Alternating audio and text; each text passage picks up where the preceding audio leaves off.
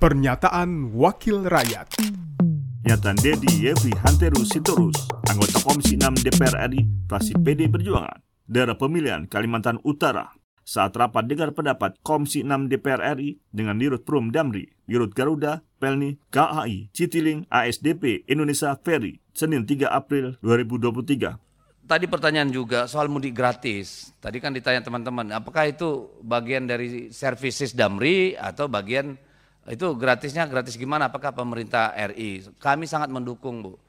Tapi harapan kami kalau bisa, kalau itu menggunakan biaya, ya kolaborasilah dengan swasta juga. Swasta kita juga udah lama babak belur itu, angkutan-angkutan.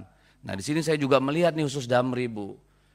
Kalau misalnya kita bisa melakukan proyeksi dengan tepat, kita bisa juga gandeng yang swasta-swasta ini. Ya, tentu dengan syarat mereka punya safety requirement standar yang sesuai dengan kita. Kita bisa gandeng PO-PO itu kalau memang marketnya, trafficnya memungkinkan. Kenapa nggak diajak?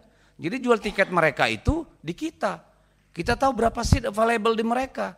Kendaraan-kendaraan yang kita gandeng untuk kerjasama. Why not?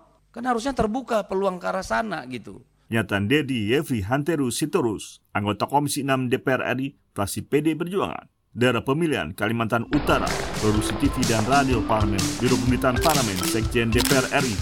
Pernyataan Wakil Rakyat